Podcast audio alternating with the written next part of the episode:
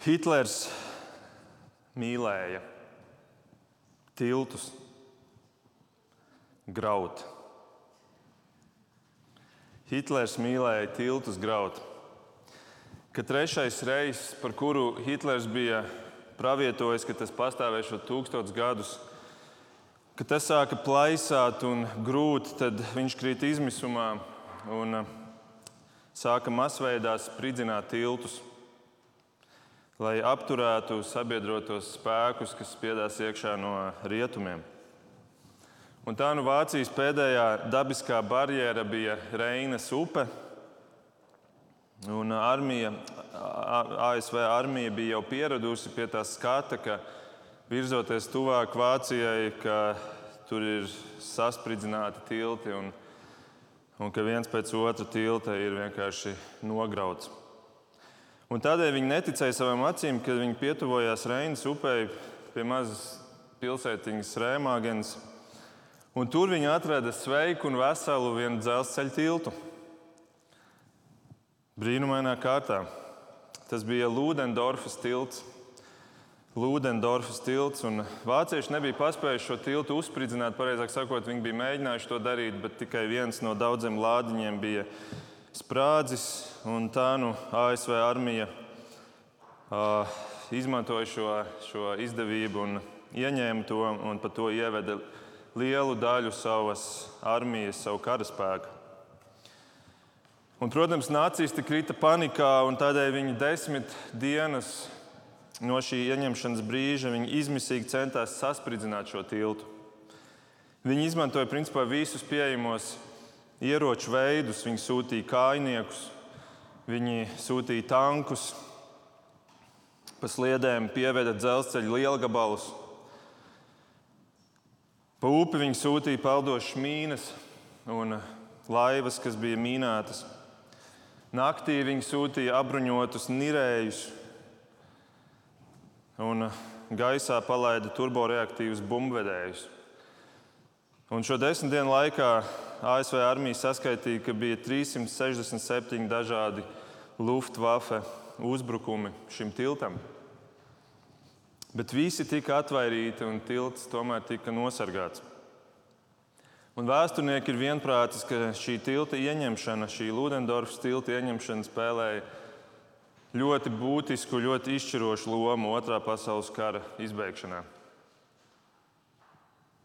Un tiltu spridzinātais Hitlers Pusotru mēnesi pēc šī tilta ieņemšanas izdarīja pašnāvību.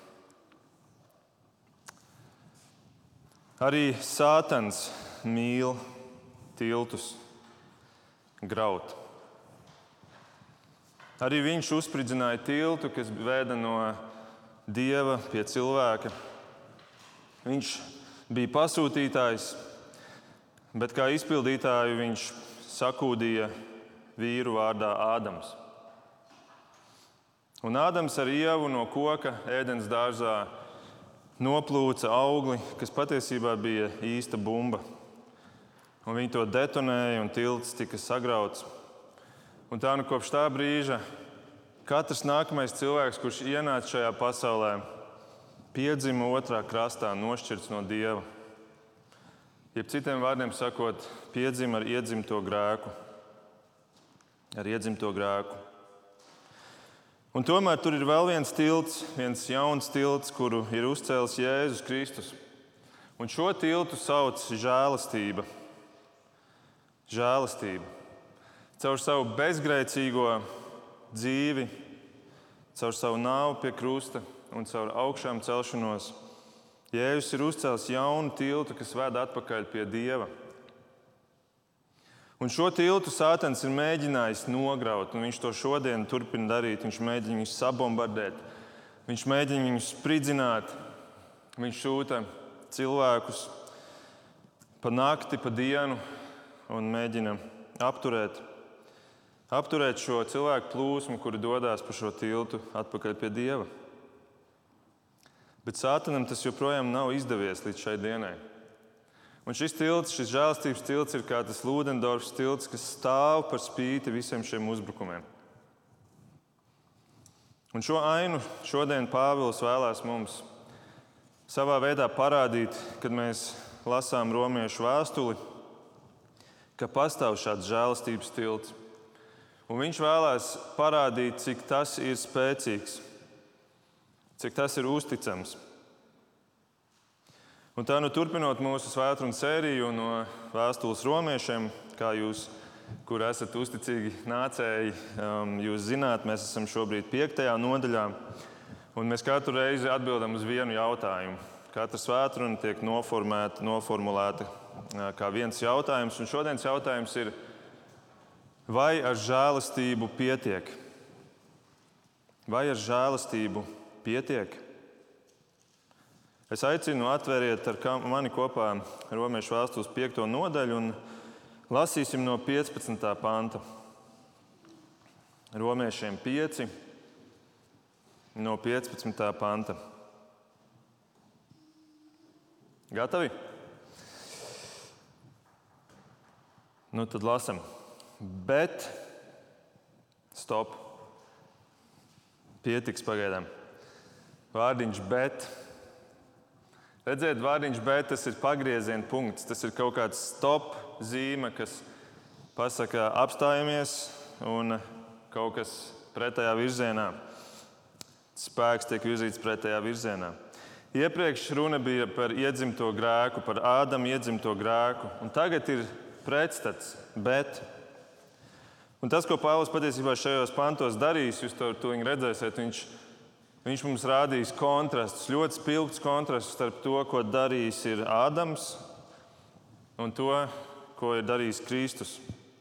Starp Ādama grēku un starp Kristus žēlastību. Šajās pantos septiņas reizes tiks pieminēts vārds žēlastība. Tātad Ādama grēkam tiek pateikts bet, un tiek prezentēta Kristus žēlastība. Labi, pamēģināsim vēlreiz to 15. pantu. Bet dievišķā dāvana nav salīdzināma ar pārkāpumu. Tas ir tas ievads visai šai domai. Pāvils saka, ka dievišķā dāvana, un vecajā tulkojumā ir teikts žēlastības dāvana. Angļu tulkojumā teikts free gift, tātad bezmaksas dāvana un žēlastības dāvana, dievišķā dāvana. Viņa nav salīdzināma ar pārkāpumu, ar Ādama pārkāpumu. Un tā interesantā doma ir šie divi vārdi, ka viņa nav salīdzināma. Viņi nav salīdzinājumi. Tad kādas ir atšķirības? Tad kādi ir tie lielie kontrasti, kuru dēļ nav šīs divas lietas salīdzināmas? Lai skaidrāk jums paskaidrotu, jūdi uzskatīja, ka Ādama grēka darbs, šis grēka darbs ir izpērkams arī ar darbiem. Un Pāvils prezentē šo, šo jauno domu jūdiem. Viņš saka, nē, ir, tas ir izdarāms, tas ir izpērkams caur žēlastību. Un tā kā ir šis lielais pretvējs no jūdu puses šai vispār domai par žēlastību, ka Dievs bez maksas kaut ko dotu cilvēkam, tas ir tik neiedzīgi, tas ir tik sveši tam tēlam, kādu, kāds bija jūdiem par Dievu.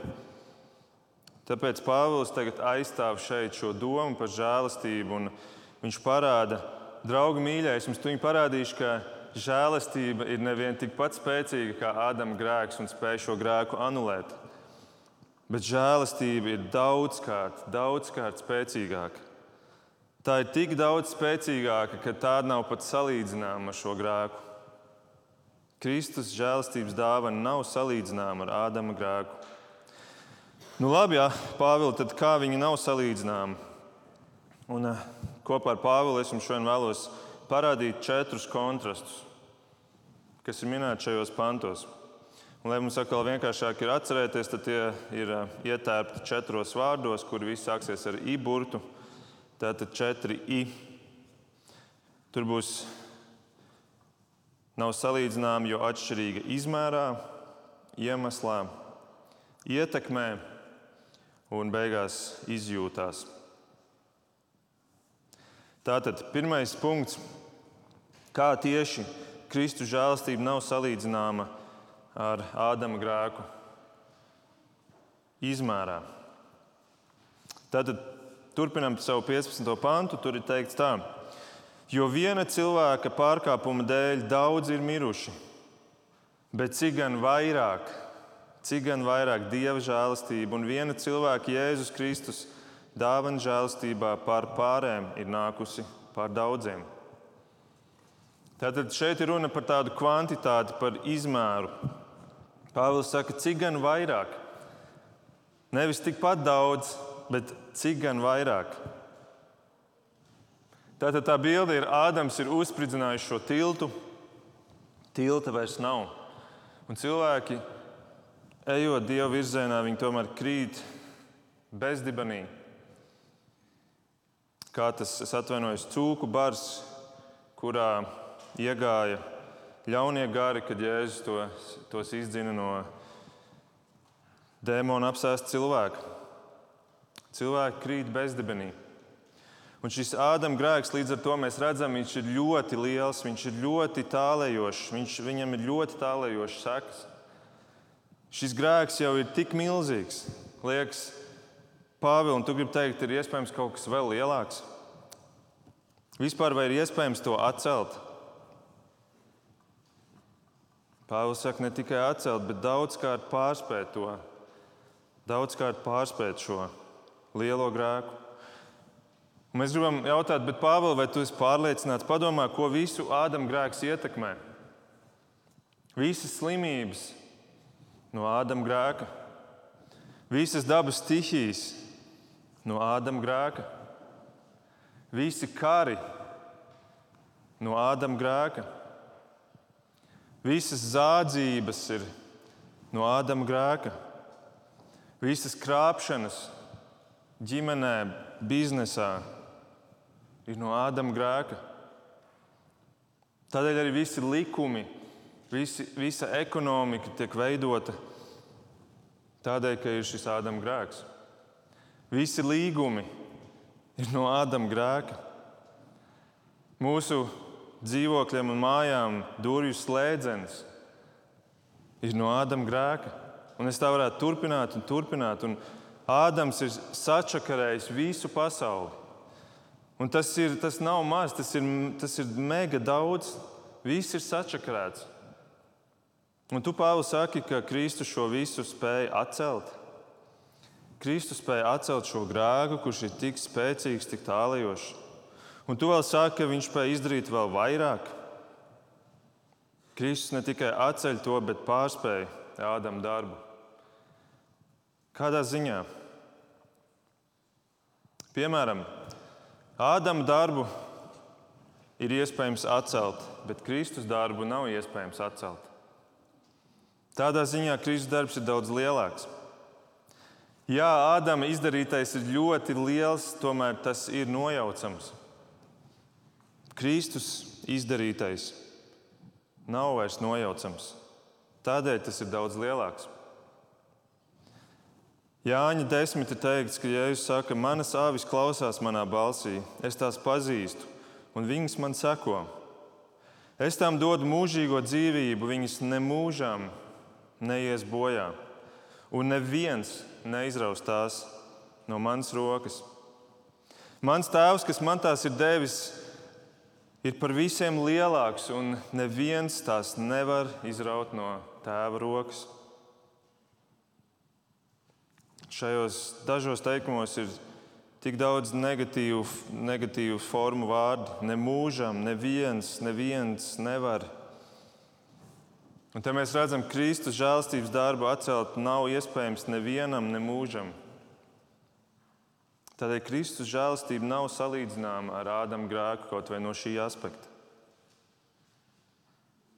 Edmunds ievadā lasīja Jeremija 31, un tur trešajā pantā ir teikts, ka Dievs saka, es tevi mīlēju ar mūžīgu mīlestību. Tādēļ es pret tevi tik uzticīgi esmu saglabājis savu žēlastību. Redziet, šī žēlastības dāvana nav salīdzināma ar Ādama grēku.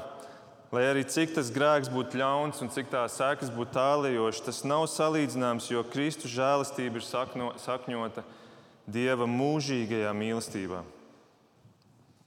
Tātad mēs redzam, Pāvils saka, šī dāvana ir citādāka tā nav salīdzināma, tā ir daudz lielāka. Šis tilts, šis tilts nav nograujams. Bet ne tikai atšķirība izmērā. Otrais punkts. Tā nav salīdzināma arī savā iemeslā. 16. pants. Dāvana nav dota viena cilvēka apgrēž, apgrēkošanās dēļ. Lai gan spriedums par pazudināšanu ir nācis viena apgrēkošanās dēļ, proti, Ādama, taču žēlastības devums attaisnošanai ir nācis daudzu, daudzu pārkāpumu dēļ. Ja, tātad te mēs redzam iemeslu, kādēļ nāk šī dāvana. Arī šis iemesls ir daudz, daudz lielāks nekā tas iemesls, kura dēļ nāca šis grēks Ādamam, kura dēļ nāve nāca pasaulē. Mēs redzam, šeit ir viena cilvēka pārkāpumi pretstatīti daudziem neskaitāmiem cilvēku pārkāpumiem. Ādamam bija viens grēks, un šī viena grēka, šī viena mazā grēka dēļ tika sačakrāta visa pasaule. Bet Pāvils raksta, ka Jēzus dāvanai pamatā ir daudzi grēki, tā ir cita svara pakāpe. Un atgādinājumam jau viens grēks, jau viens mazs grēks, un es atvainojos, viens mazs ēšanas grēks mums liekas tiešām apēst vienu mazu augli, un tas sačakrē visu pasauli. Jā, viens mazs grēks ir tik spēcīgs, tik spējīgs. Jau viens grēks ir tik spējīgs. Viens grēks ir tik spējīgs sačakrēt pasauli, bet viņš ir arī spējīgs aizvest cilvēku uz mūžīgu pazušanu, uz ēli. Viens grēks. Viena cilvēka grēks spēja tik daudz. Viena cilvēka grēks ir jau tik spēcīgs kā atombumba. Bet tad padomājiet, ko tad spēja daudzi grēki. Un ne tikai daudzi grēki, bet daudzu cilvēku daudzie grēki miljardiem cilvēku neskaitāmie grēki. Un tieši tāpēc tieši šāds apjoms ir bijis tas iemesls šai žēlastības dāvanai. Tas ir varbūt viens no iemesliem, kāpēc Dievs gaida, lai atvestu Kristu.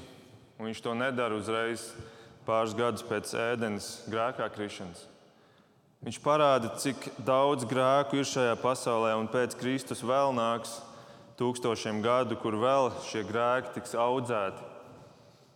Un Kristus žēlstības dāvana izraisa šie grēki, šis neaptveramais daudzums. Ādams ir izdarījis vienu grēku, bet Jēzus dod dāvanu ne tikai tik jaudīgi, lai šo vienu grēku atceltu, bet lai atceltu šo miljardiem cilvēku neskaitāmos grēkus. Šī dāvana, šī žēlstības dāvana nav salīdzināma ar Ādama grēku. Šī dāvana ir citāda. Tās iemesls ir daudz lielāks. Šis tilts celts uz daudz lielākiem pamatiem. Un tādēļ šis tilts nav nograujams. Redziet, ne tikai atšķirība izmērā, ne tikai atšķirība iemeslā, bet arī atšķirība ietekmē. Trešais punkts - ietekme. Tas nav salīdzināms arī tajā ietekmē, ko šī dāvana dod iepratī tai ietekmei, ko ir devis grēks. Mēs varam izlasīt 17. un 18. pantu. Lai gan viena cilvēka pārkāpuma dēļ nāve caur šo vienu sāka valdīt, tā bija tā ietekme. Nāve sāka valdīt.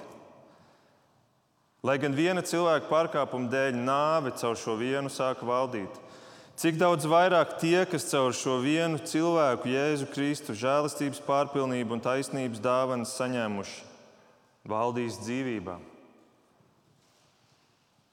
Kā par viena cilvēka pārkāpumu visiem cilvēkiem nākusi pazudināšana, tāpat caur viena cilvēka taisnību visiem cilvēkiem nākusi attaisnošana, kas ved kur? Dzīvībā.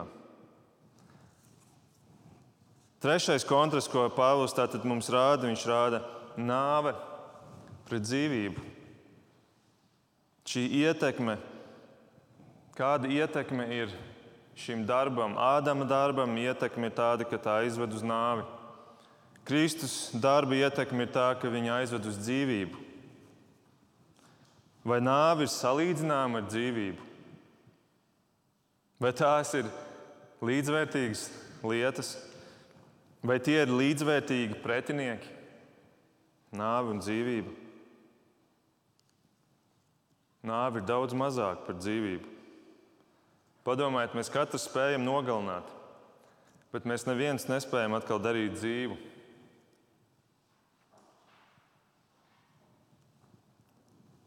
Nāve ir daudz mazāka par dzīvību. Un arī šajā ziņā žēlastība ir daudz lielāka par Ādama grēku. Ādams atnesa nāvi, Kristus atnesa dzīvību. Ādams atnesa nāvi un pats tajā aizmiga. Kristus aizmiga arī nāvē, bet viņš pamodās dzīvībā. To, ko mēs svinējām lieldienās, kas ir tas pamats mūsu kristietībai. Kristus, kurš ir pamodies dzīvībā, par kuru Jēzus saka, uz mūžiem viņš izpostīs nāvi. O, žēlastība, tu neesi salīdzināma ar Ādama grēku, mēs varam teikt. Jo kā dzīvība ir pārāka par nāvi, tā tu žēlastība esi pārāka par jebkuru grēku.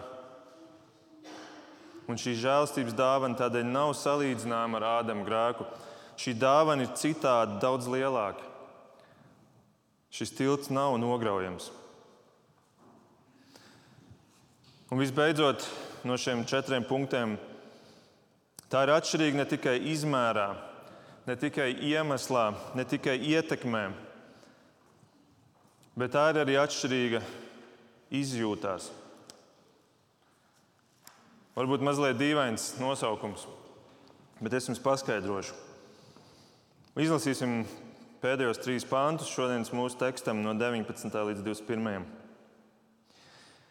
Kā viena cilvēka nepaklausības dēļ daudziem bija jākļūst par grēciniekiem, tāpat caur viena paklausību daudzi tiks darīti taisni. Bet bauslība nākusi klāt, tā ka pārkāpums vairojas, bet kur vairojies grēks, tur par pārējiem vairojas žēlastība. Lai tāpat kā grēks ir valdījis uz nāvi, arī žēlastība valdītu caur taisnību uz mūžīgo dzīvību caur Jēzu Kristu mūsu kungu. Žēlastība nav salīdzināma ar Ādama grēku arī pēc izjūtām. Pēc izjūtām. Mēs varam teikt, pēc izjūtām. Markus, kur tu šeit redz vārdu izjūtas vai sajūtas? Un tie, kur mani pazīst, tie varbūt zina, ka man, es neesmu tas, kurš ļoti daudz runā par izjūtām. Jo es uzskatu, ka Bībele vispār daudz nerunā par izjūtām ka lielāks uzsvars tiek likts uz to, ka tu audz atziņā un ka tu savu prātu piepildi ar dieva apsolījumiem, nevis paļaujies uz izjūtām. Bet vienlaikus šeit šis vārds izjūtas, es gribētu, ka mēs par viņu padomājam no tāda aspekta, ka mēs runājam par apmierinātību. Tavas izjūtas ir cieši saistītas ar tavu apmierinātību, vai ne? Ja tu esi neapmierināts, tev nebūs pārāk labu sajūtu. Ja tu būsi apmierināts, dzīve būs daudz gaišāka. Sajūtas, izjūtas būs citas. Savukārt, tava apmierinātība ietekmēs tavu paklausību. Kalps, kurš ir apmierināts, viņš drīzāk kalpos savam kungam. Kalps, kurš nav apmierināts ar savu kungu, Viņš atradīs vairāk iemeslu būt nepaklausīgam. Un te mēs lasām šajos pantos, kā viena cilvēka nepaklausības dēļ daudziem bija jākļūst par grēciniekiem. Tāpat caur viena paklausību daudzi tiks darīti, darīti taisni. Tātad Ādama nepaklausība šeit tiek likta kontrastā ar Kristus paklausību. Un šī, šī ļoti liela doma, un viņa arī ļoti praktiska, tāpēc mēģiniet man izsekot. Viņi nav varbūt tik vienkārši, bet, bet uh, turēties līdzi. Jautājums ir, kādēļ Ādams nepaklausīja Dievam? Kādēļ Ādams nepaklausīja Dievam?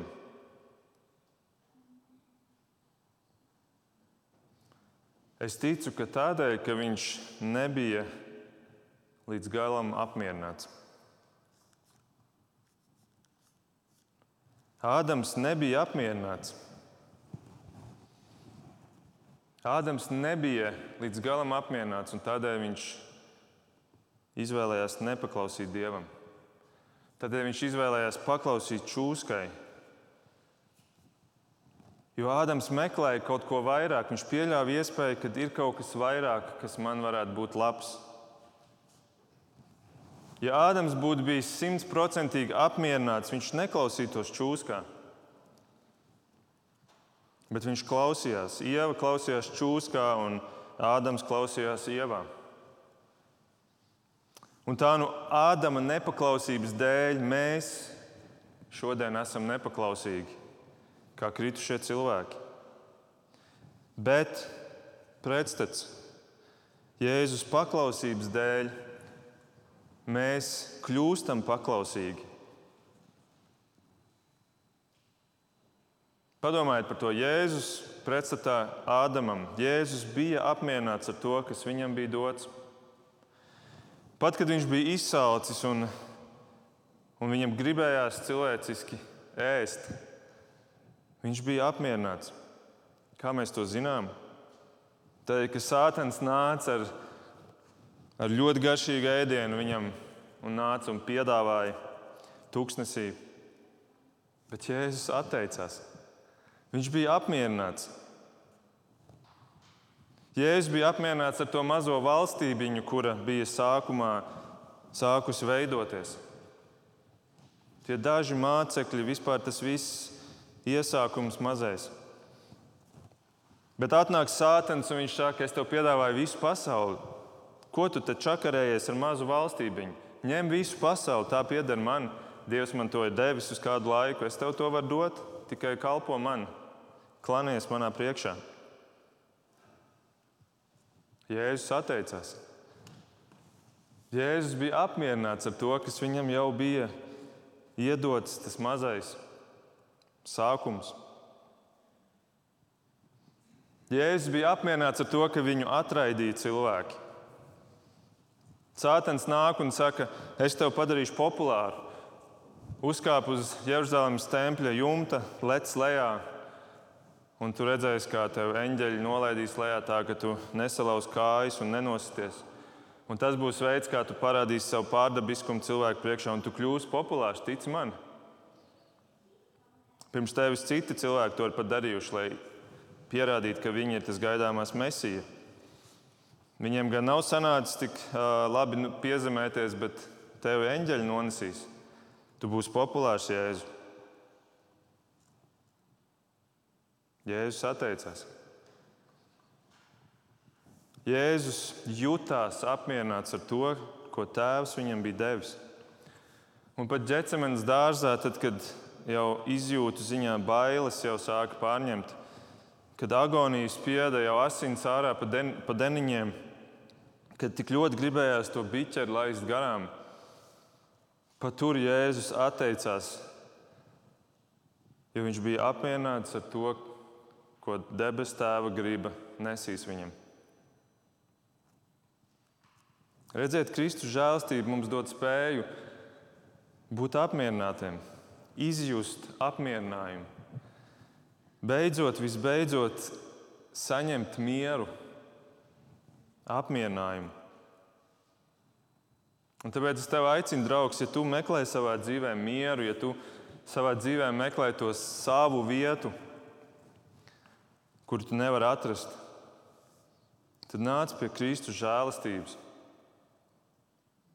Ej pa šo Kristus žēlastības tiltu un esi apmierināts. Tā ir vienīgā vieta, kur tu vari iegūt to, to fundamentālo mieru savā dzīvē. Jā, būs emocionāli nemieri ikdienā, bet tas, tas fundaments tur stāvēs un tu būsi apmierināts. Un, ja tu staigāsi garā, nevis miesām, bet uzticēsies svētā gara vadībai, tu šo mieru varēsi arī savā mazajās dzīves situācijās, savā emocionālajā nemierā smelt un ienest tajā mieru. Jo tev ir nemieris Ādama grēka dēļ un tavu grēku dēļ. Nē, esi apmierināts Ādama grēka dēļ un tavu grēku dēļ. Un tu nekur citur neatradīsi šo mieru un šo apmierinājumu. Īstais un paliekošais ir tikai šajā Kristus žēlastībā, un to Pāvils šodien parāda. Viņš saka, arī tādēļ šī žēlastība nav salīdzināma ar Ādama grēku.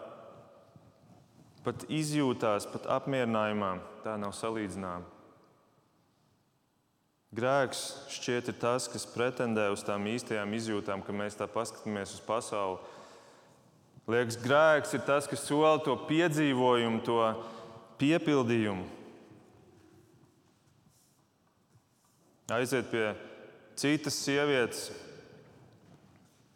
apreibināt sevi. Tad, kad ir nemieris, samaksāt algu aploksnē, lai paliek vairāk sev tērēšanai. Pasaulē vārds grēks ir tā drīzāk tāds reklāmas sauklis, kas tev pievilina, nevis atbaida. Jo tur solās būt tās īstās izjūtas.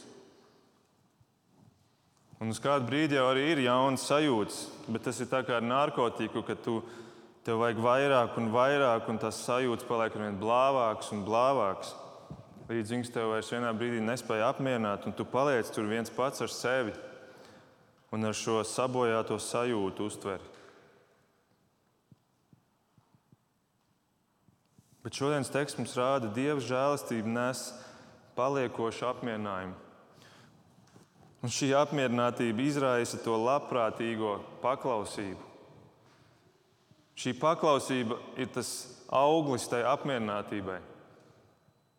Un cilvēks beidzot var būt apmierināts, un cilvēks beidzot var būt paklausīgs Dievam. Visa radība ir paklausīga. Putni, un zvēri un zivis, zvaigznes, viņas dara to, kādēļ Dievs viņas ir radījis. Bet cilvēks ir tas nepaklausīgais. Cilvēks jau no pirmās ēdienas brīža ir nepaklausīgs.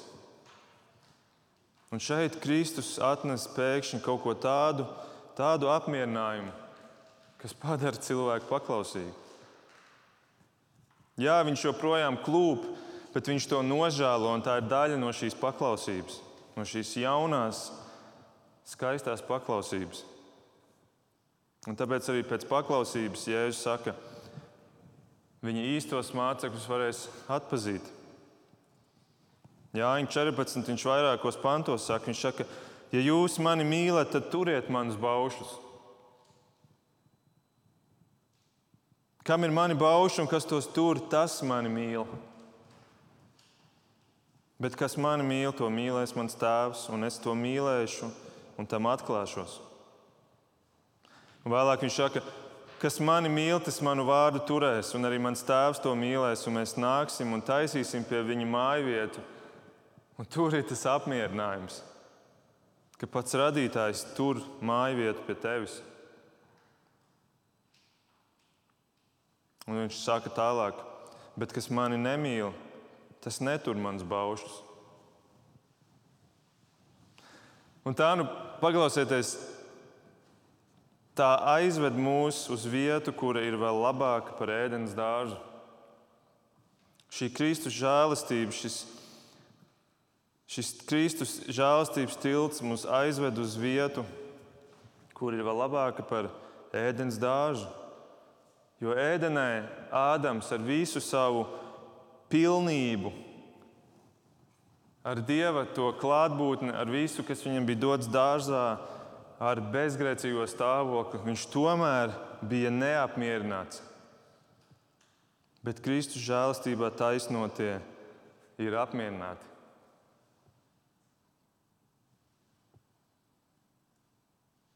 Tādēļ Kristus žēlastība ved nevis atpakaļ uz to veco ēdeni, bet uz jaunu ēdeni, uz daudz labāku vietu. Mēs varbūt kādreiz sakam, jā, ja es tur būtu ēdenē, es tas ādams, nu tad gan es, es tā nedarītu, kā viņš darīja. Bet, zini, caur Kristus žēlastību tu esi labākā vietā nekā Ādams bija savā ēdenē.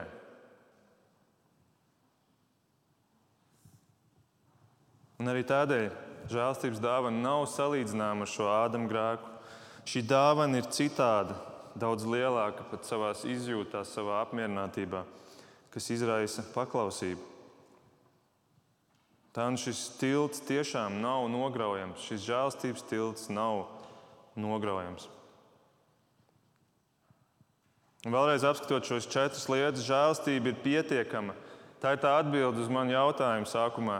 Jā, žēlastība ir pietiekama, jo tā ir daudz varenāka par Ādama grēku savā izmērā, savā iemeslā, savā ietekmē uz dzīvību un pat savā izjūtās. Tie ir kā tādi četri tilta balsti šim žēlastības tiltam. Man ir kāds students Latvijas Mākslas akadēmijā, ar kuru mēs lekciju laikā esam runājuši par Dievu. Un, un, un tad pēc tam mums attiecības mēs esam. Mēs ik pa laikam sazvanamies un kopīgi ejam cauri Bībeles grāmatām. Es viņam uzdāvināju Bībeles Ziemassvētkos. Un, un tad viņš man atsūtīja šajā nedēļā vienu interviju, kuru viņš man ieteica noskatīties. Mēs viens otram arī iesakām saturu, ko paskatīties. Un, un tur bija kāda intervija ar vienu sievieti. Un, uh, intervijas beigās viņai tika uzdots jautājums, vai tev ir no kaut kā bail? Un viņa teica, ka pēdējos gadus man ir bijusi, bij, bijis bail no nāves. Viņai bija meita nomirusi pirms kādiem gadiem, un viņai bija bail no nāves, bail nomirt. Viņa tā kā ticīga sieviete, bet viņai bail no nāves. Un tad viņa teica, ka, viņa, ka šīs, šīs bailes apstājās vienā brīdī, kad viņa vienu nakti nosapņoja vienu sapni. Un tas sapnis bija tāds, ka viņa iet pa tādu kraujas malu. Viņa iet, iet, un tad pēkšņi priekšā tas ceļš beidzās, un tur ir bezdibens. Un, eh, un, un tas ceļš turpinās, bet ir pa vidu šis bezdibens. Un, eh, lai ietu tālāk, tev ir, tev ir jālec, tev ir jākāp pāri. Un tad viņi esat pamanījusi, ka tur guļ kāds cilvēks tajā, tajā bezdibenī. Un tad šī sajūta, kad viņa piecēlās, tas viņai esot atņēmis tās bailes no, no, no nāves, zinot, ka tajā bezdibenī kāds ir, kurš palīdzēs viņam, viņai tikt pāri. Un līdz ar to es domāju, tas ir tik, tik interesanti, ka, ka tieši šī intervija man atnāca šajā nedēļā, kad es runāju par šo tiltu, ka, ka pats Kristus ir tas žēlastības tilts. Pats Kristus ir tas, kurš ar saviem četriem balstiem, rokām un kājām tur šo tiltu un gaida mūs. Un ar šo žēlstību pietiek. Šis tilts noturēs tevi. Šie četri balsti parāda, ka arī ka žēlastība nav tikai tāds viens darbs, ko Kristus ir izdarījis, bet tā ir visa tava dzīve, tas aptver visu.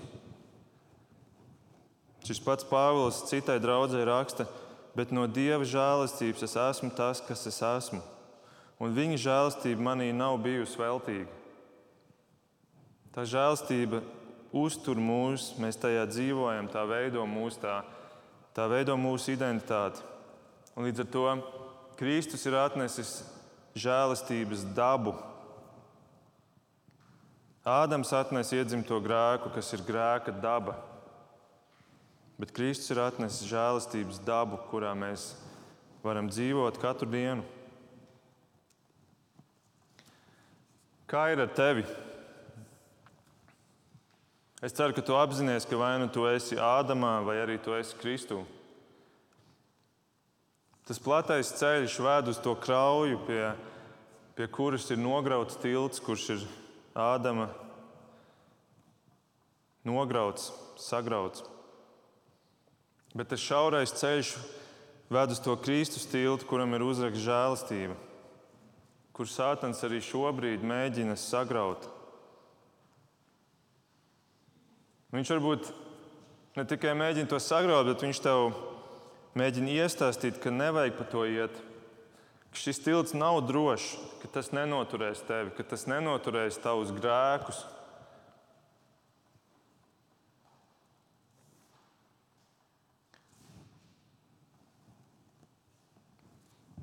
Atcerieties, Lūdendorfs tilts. Ziniet, kāds bija beigas šim tiltam? Viņš beigās tomēr nobruka. Viņš beigās tomēr sabruka. Bet tikai pēc tam, kad ASV armija jau bija uzcēlusi blakus pontonu tiltu, un viņiem tas Lūdendorfs tilts vairs nebija vajadzīgs. Arī žēlastības tilts kādu dienu vairs nebūs vajadzīgs. Jo debesīs žēlastība nebūs vajadzīga. Debesīs žēlastība mums vairs nebūs vajadzīga, tur būs godība. Žēlastības tilts kādu dienu vairs nebūs vajadzīgs, un žēlastības laiks beigsies. Bet līdz tam daudzi vēl šķērso šo tiltu arī šodien, īpaši svētdienā. Kādi iet pār to savā savā solī, savā ticības solī, kur viņi, kur viņi atdod savu dzīvi Kristum. Kādi iet pār šo tiltu tādēļ, ka viņi iet uz mūžību. Un arī es iešu un es eju pa šo tiltu, bet kā ir ar tevi? Es vēlos noslēgt ar vienu citātu no Čārlza Spērģena, kurš man piekrīt šajā jautājumā. Viņš raksta, ka Žēlastības tilts noturēs tavu svaru, brāli un māsa. Tūkstošiem lielu grēcinieku ir šķērsojuši šo tiltu. Jā, desmitiem tūkstoši ir devušies tam pāri. Daži no viņiem ir bijuši grēcinieku virsnieki, un daži ir nākuši savas dzīves pēdējās dienās bet tā arka zem viņu kājām nav padavusies.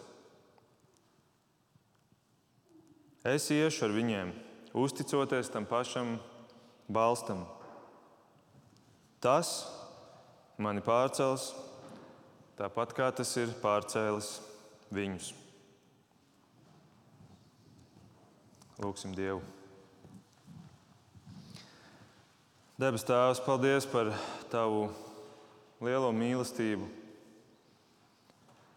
Kas tā ir par žēlastību, ka tu vispār pieņem cilvēka glābšanu, cilvēku, kurš tev ir pagriezis muguru, kuram šķiet, ka tu neesi vajadzīgs viņam.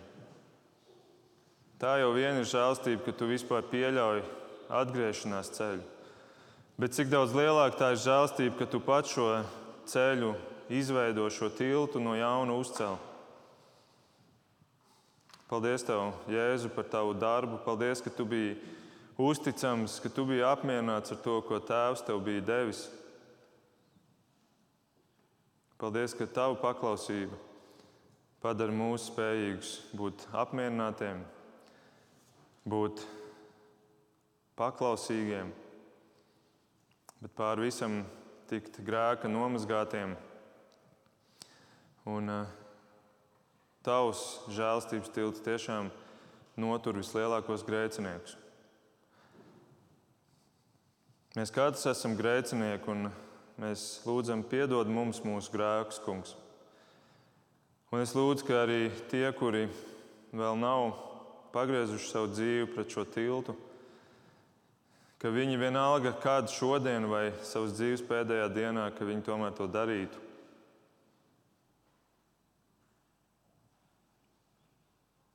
un ka viņi varētu sasniegt to, kam tu esi viņus radījis, proti, mūžībai kopā ar tevi. Paldies, Tev, Jēzu! Lai Tev ir slava un gods un pateicība. Āmen!